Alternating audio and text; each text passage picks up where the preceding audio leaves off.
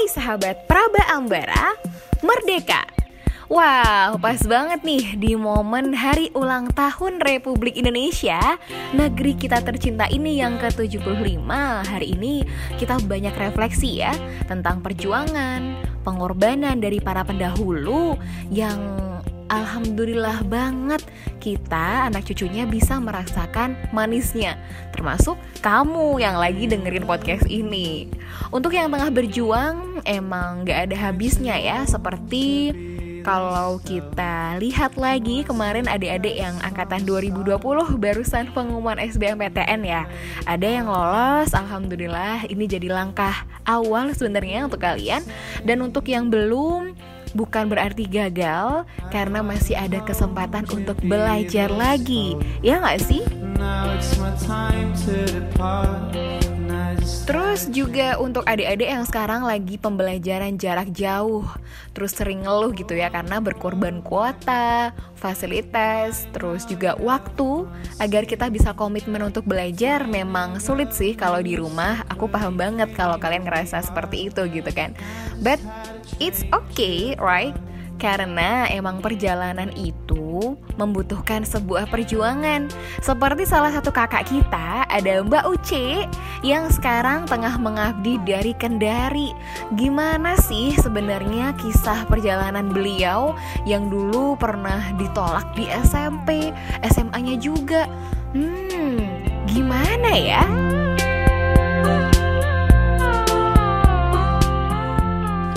Assalamualaikum Halo teman-teman semua, perkenalkan saya Aprilia Sultan Hasanah. Waktu SMA lebih sering dipanggil UC, tapi ada juga beberapa yang manggil dengan nama April atau Lia.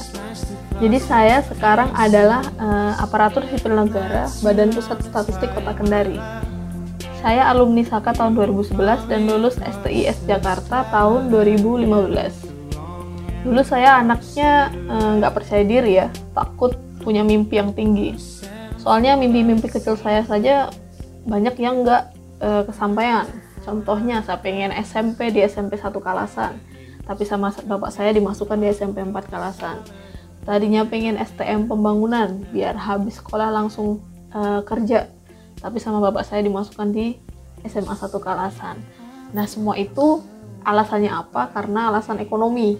Jadi saya disekolahkan yang deket-deket aja dengan rumah supaya uh, uang sakunya nggak usah gede-gede amat gitu jadi dulu saya ke sekolah itu naik sepeda jaraknya sekitar tiga setengah sampai 4 kilo dari rumah ke sekolah itu ya.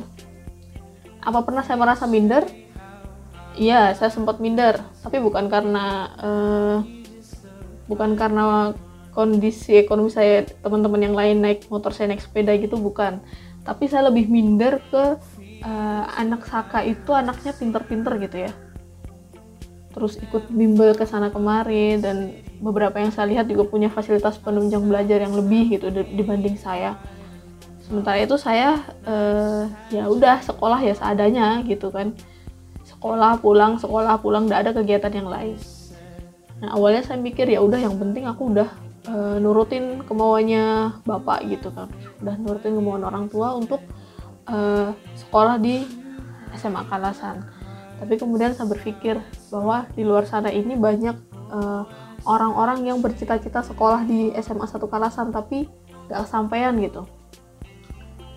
Masa aku udah dikasih kesempatan untuk sekolah di SMA satu Kalasan terus mau nyerah gitu aja mau mau nggak mau apa nggak mau mengembangkan diri lebih lagi. Nah di situlah saya coba untuk men-challenge diri saya untuk bisa membuktikan bahwa aku juga bisa kok punya nilai bagus walaupun uh, dalam keterbatasan uh, penunjang pembelajaran dan nggak diikutkan di bimbel dan lain-lain seperti itu.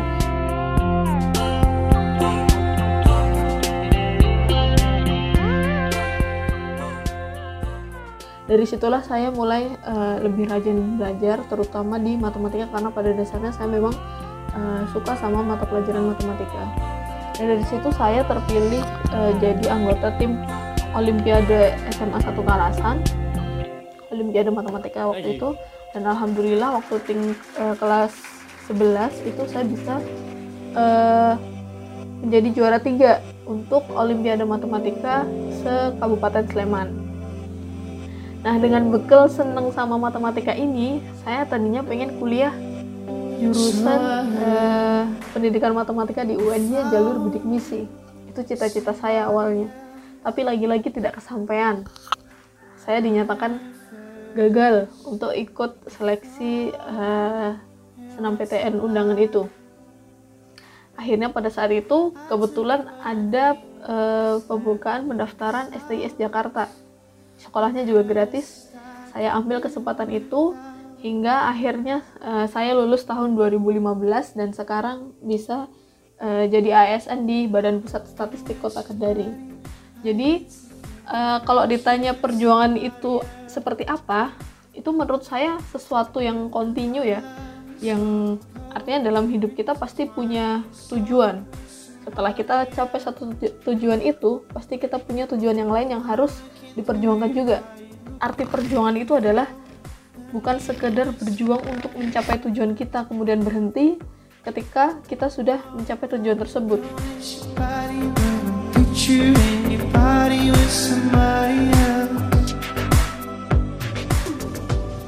Tapi lebih dalam dan lebih dan jauh lebih penting itu adalah uh, perjuangan itu adalah berjuang melawan diri kita sendiri. Bagaimana melawan rasa malas bagaimana melawan keterbatasan, dan bagaimana bisa legowo menerima sesuatu yang tidak kita harapkan.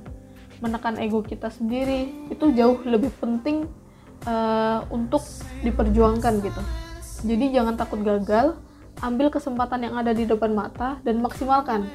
Jangan lupa minta do, uh, doa restu sama orang tua agar semua proses yang kita lalui itu terasa lebih mudah.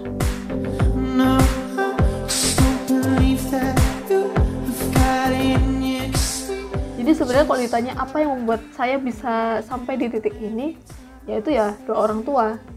E, saya merasa berkat doa mereka apa yang saya hadapi di depan itu jauh lebih mudah saya lalui gitu. Jadi tetap semangat buat adik-adik meskipun uh, sekarang lagi kondisi pandemi dan harus uh, belajar dari rumah effortnya lebih tinggi dan perjuangan untuk melawan uh, diri sendiri apa melawan kemalasan itu jauh lebih besar. Tapi tetap semangat jangan pantang menyerah. Insya Allah uh, ke depan uh, semua akan lebih baik lagi.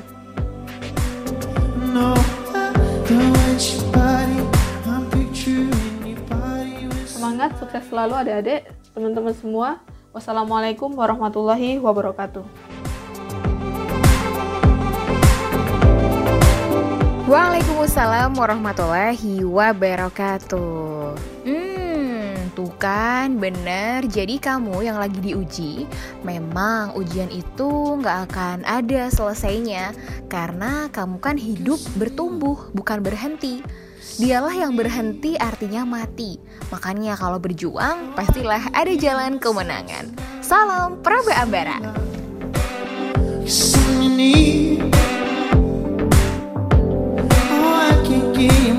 Thanks.